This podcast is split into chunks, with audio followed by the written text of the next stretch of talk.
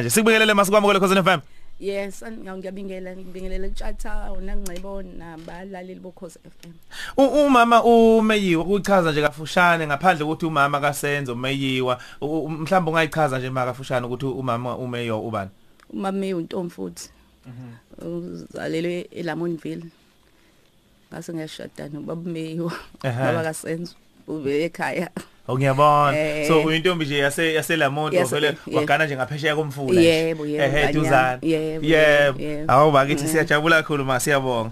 Ehe mhlambe mangabe ubheka usukela ngonyaka eh okunyaka wababhlungu kakhulu eningizimu Afrika eh, u2014 la khona sashiwa usenzo eh umeyiwa. Eh ikakhulukazi eh lapho khona sasimbona ukuthi eh, uyaqhubeka uyadlondlobala nethalente lakhe eh elalimangalisa lokuba unozinti. Eh ku- kuze kufike manje yonke leminyaka ngemva kwaleso sehlakalo mhlawumbe ngathi ikupho okubonile empilweni wakufunda Ih, ih. Eh. Okubhlungu kakhulu ukuthi yena usenzo ngalesikhathi ahambe ngaso uhambe ngalesikhathi eseshisa kakhulu isedlala. kakhulu esedlala kakhulu ngoba ngikhumbula eyodlala kulamazwe seAfrika wayesasalindele ukuthi usazobuya azosixoxela ukuthi bekunjani. Nangalesikhathi evimba ama penalty nakhe kodlala Ngikhumbula sithi usazofika azosixoxela ukuthi uhambe kanjani. Salindele lokho nakusekwenzela lesimanga senzeka lokuthi a- ahambe usenze emhlabeni uhamba nje usenze kade ngikhulume nayo ngolu- kulesine ingane zazizohamba ingane yami nekamfowabo zivakashe nesikole. Eseyinikezile imali ukuthi igibele esekusela ukuthi abanikeze imali yomphako. Sakhuluma naye ngolesine wathi ma mengiqeda ukudlala nje ebusuku ngoba sowezidlala ebusuku. Ngiqeda ukudlala ngiyabuya ngize ekhaya konke sobe sikhuluma imali yomphako ndani nani sobe sikhuluma ngofika nges- ngesonto ekseni leli sonto o- engamlinda ngani ukuthi uyangena uyangenwa ngangena nakuse sithola ebusuku sekuthiwa akasekho. Umbiko obhlungu kangaka. Yebo. hey bakithi. Kwa- kwakunjani kuwena njengomzali? Eh, u- u- u- ngenkathi ingane iqala ikushiya ihambe egoli ezama ukuyofuna amadlela ahlaza ngethalente lakhe lebhola hey asikholwanga. Asikholwanga ngoba angithi kasikhathi salokho eselidlala esadlala khona la la amaklapa la amancane oLondon Cosmos. Sasilokhu sithi hayi ngangimthethisi ngithi uzodla ibhola yini? Njoba ubaba wakhe ethamba nodayisa lo dayisa la dayisa khona ngoba bedayi baba wakhe wa- wayidayisa no container wena udayisi wena kuphela nje uhamba nebhola lakho leli lona ibhola ozolidla leli abuya sishela ikhwama zakhe la ishiye la emva kwesicaba namasokisi a- angawawasha anuka amasokisi. Sithi lona ibhola ozolidla le themese sesidla lona ibhola ngasho athi buka nje. ngangise ngane ngizodla lona lebhola lona lebhola bese silidla ke sesenzele imangaliso. Yahambe nganyama ngasikhathi sisenzela imangaliso. Wahamba. Ubhlungu Mm. Ya kufanele ma kwe- kwe- kuyezwakala ngoba um- uma ngabe ubuka ukhumbula futhi ngalenkathi eh, eh, eh, ku- ku- kubafana bafana ukuhamba kwakhe i- i- ingalesikhathi nje obusho na ukuthi wayesedlala ngendlela emangalisayo. Futhi uma ngabe ubheka namathembezo wonke esehleli kuye lapha Yebo, entini yebo, eh, yebo. ikakhulukazi kubafana bafana. Yebo, yebo. nakho sekwehla lomshono yebo yebo nganyama njengomndeni kunithatha isikhathi esingakanani ukuthi nikwamukele ukuthi ngempela kasekho akwamukeleki akwamukeleki ngoba kuyahlala hlala kuvuka. Akaka ngathini? Akamukeleki kuhlala kuhlala kuvuka kodwa umuntu washaya kakhulu baba kusho ukuthi baba wahluleka kakhulu. Ngikanga ngoba wazoshaya na stroke Yeah. baba kwabanzima kakhulu wa- wahluleka ubaba. Akwamukeleki nganyama. Mm. akwamukele ngoba uyocabanga umkhumbulo ukuthi hey ngabe manje sekwenzeka ukuthi ngabe sekwenzeka ukuthi. Akulula akulula akulula akulula. Yeah.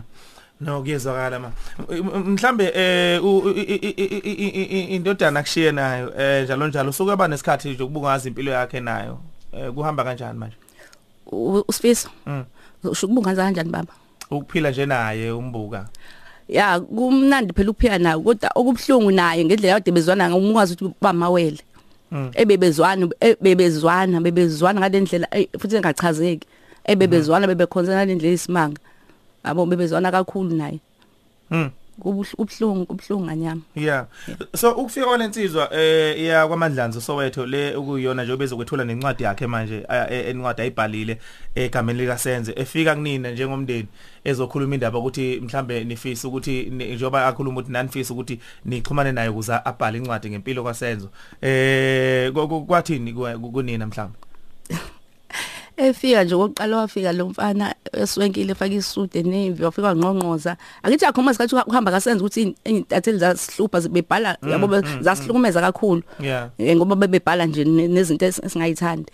Kusho nanga sathi efika ngitshela ukuthi uyona intatheli. Mm. ngangivale ngakhuluma naye e- engaphandle le ngathi mina intatheli angikhulumi neintatheli mina. Angikhulumi nje into ngisho kumxosha nje.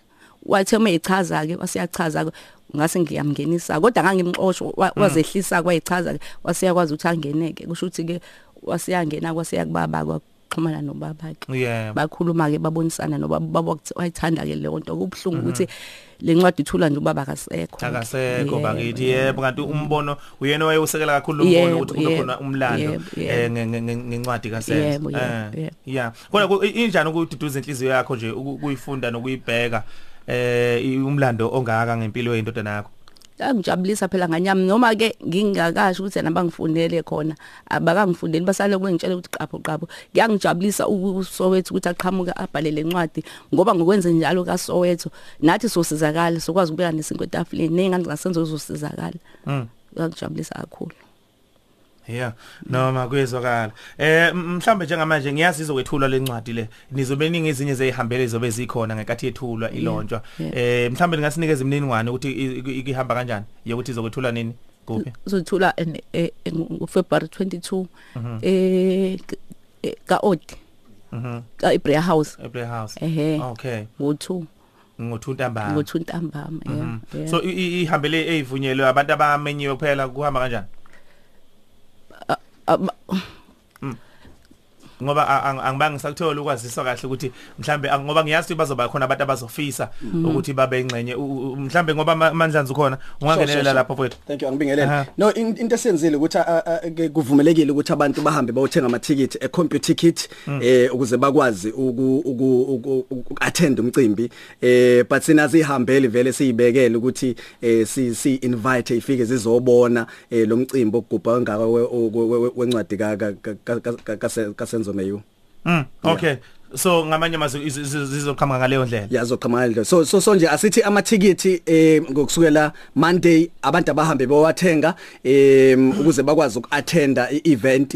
Eh ngicabanga ukuthi mhlambe bazobona kuma social media platforms Ehhe, indaba ukuthi zama kuhamba kanjani. prizes nani Yeah. nani are available. Eh ngomhla ka22 e Playhouse e Durban eh siya launcha ngafikwa nje ngabo 2 up until lapho Yeah. so abantu ba- bashaye phela ama drink yabona? Uma May uzobe pheke into engasukumi phansi Yeah. lapha upheke elinye idili engaze libonakale so abantu abafike ngobuningi babo Ngiyezwakala. eh yeah ngicabanga nje mfethu into enkulu kakhulu ukuthi eh ngeke ngathi ngokwesilungu ngathi the nation comfort says siyamduduza ukuthi you know ake siye somsupporter ezeqala engena Yeah. kwijeni ukuthi uyamukela eh, Yeah. into eyenzeka ngifuna ukubuya ngize la brazo Sure. ngoba ngiyakwazi wena u- uyinsizwe ekhonza unina kakhulu U- Sure. umama wakho uyamthanda ngendlela emangalisayo so ukubona u- u- u- u- abazali bakasenzo sebesele dengwane kanjena bekade bethembele kuyindodana yabo eh kwakusukumisa ekuthenini wenze lokhu njengoba manje ngibona nibambisene kahle Sure. Ikakhulukazi nomama nje ubaba bakasenze ngasekho nje eh u- u- usufana ne- nendodana kubo- kubona?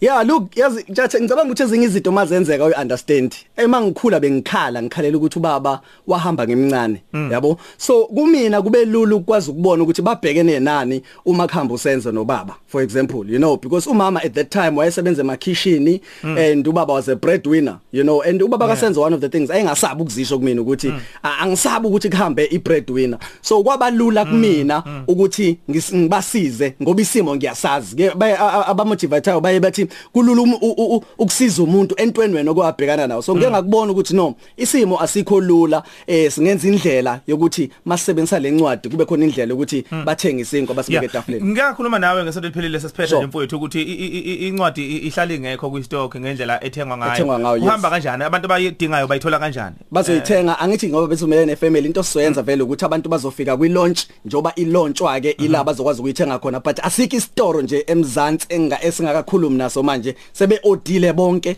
Okusho ukuthi ngosuku zolandela i launch mhla ka 23 Izobe 24 isigcwele zona lapho zonke iy'toro. yobe igcwele istore sonke after launch that's Okay. when people can go bahambe ke bayothenga ngendlela abafisa ukuthenga ngayo. Right. So u- ukuba khona kwalencwadi ku- ku- kuzosiza kanjani umndeni ka kaSenzo? Yo ngesingisi khona lento ekuthiwa ama net proceeds. So umuntu mayethenga incwadi eh kuba nezinto lezi ezikhavekayo njengo printing nani nani bese kuba nengxenye eh, ezohamba ke ize eh, kumndeni wakameyiwa lokho sikushicilelwe phansi saya kummeli kubhaliwe eh into ezokwenzeka. But Yeah. kumina a- akusafani ne, ne business transaction mangakubeka kanjalo Yeah, mfethu. yeah. yabo se- se- se- sekunokuthi fanele nginake sebuya sekuyafana nomndeni kumina. So sengiyabhekela njengoba uma ubesha ukuthi uyafona eksena athi hayi hey mntana yami isimbo ngibheke nalapho nalapho Yeah, yabona? Yeah. so kuyithuba ka- kakhulu kumina ukuthi nje kube isiqalo sokuthi ngibhekelele imndeni evelelwe izimo kanje ngiyacabanga ukuthi okokuqala kodwa kusikho kokugcina mfethu sibonga kakhulu eh mameyo sesiphetha Yebo. nje ma Yeah. eh si- siyabonga kakhulu nangokuthi usihloniphe ukwazi ukuza nathi u- uzokhuluma nathi lapha emsakazweni umdala wasukumela phezulu weza eh ngifisa ukubongela ngalensizwa yakwamandlanzi eh sekuyiminyaka ngiyazi Yeah. eh insizwe ephilayo Yeah. kakhulu insizwe ephilayo cishe nawe usukubonile lokho esikhashana Yeah. nje sincane Yeah. eh ukuthi insizwe ephilayo ngithemba ukuthi kubambisana kwenu kuyoqhubeka kuhambe eh, kahle futhi ke nithobe kamanxeba eh nge- nge- ngendlela indodana yeni yahamba ngayo emhlabeni kwasilimaza kakhulu sonke Yeah. kakhulukazi njengoba sithanda ibhola nje thina Yeah, kangaka yeah. sa salimala sashaqeka Yeah. so ke siyafisa ukuthi niduduzeke Yeah. ngifisa ukuphetha nje ngo- ngo- ngombhalo weBhayibheli odwa ma Yeah. engifisa ukunika wona njengomphako Yeah. uhambe nawo uhlale nawo enhlizweni yakho Yeah. noma uvuka noma ulala uhlale ucabanga Yeah. abaseKorinte bokuqala isahluko 15 iverse 26 Yeah. uthi lo mbhalo njengesitha sokugcina ukufa kuzokwenziwa ize njengesitha sokugcina ukufa kuzokwenziwa ize. iBhayibheli ukufa likibiza ngesitha. uNkulunkulu uyasithembisa ukuthi uzokwenza ize. Mawukhumbula uJesu esemhlabeni wathi niqhubeka nithandaza nithi baba wethu sezulwini mangcolisa igama lakho umbuso wakho mawufike wathi anoqhubeka nithandaza nisho njalo. Wasekhuthaza abantu ukuthi bashumayele kuze kufike isikhathi sokuthi abuye abuye futhi sebuya nombuso wakhe. So ke lo mbuso ke sinethemba lokuthi ke uyosiduduza ukufa yokuqeda kungaphinde kube khona njengoba kuhlukumeza kangaka. Njengoba nani namhlanje nisho ukuthi kuze kube manje aniphili ngenxa ukuthi nafelwa Yebo. Jehova uyasiduduza kakhulu Yeah. ngokuthi ukufa uzokuqeda Yeah. eh sikulindele ngamehla bomvu lokho embusweni wakhe Siyabonga. sengathi ungaduduzeka ke nawe Ngiyabonga masiyabonga kakhulu. ngiyabonga. all right Yeah.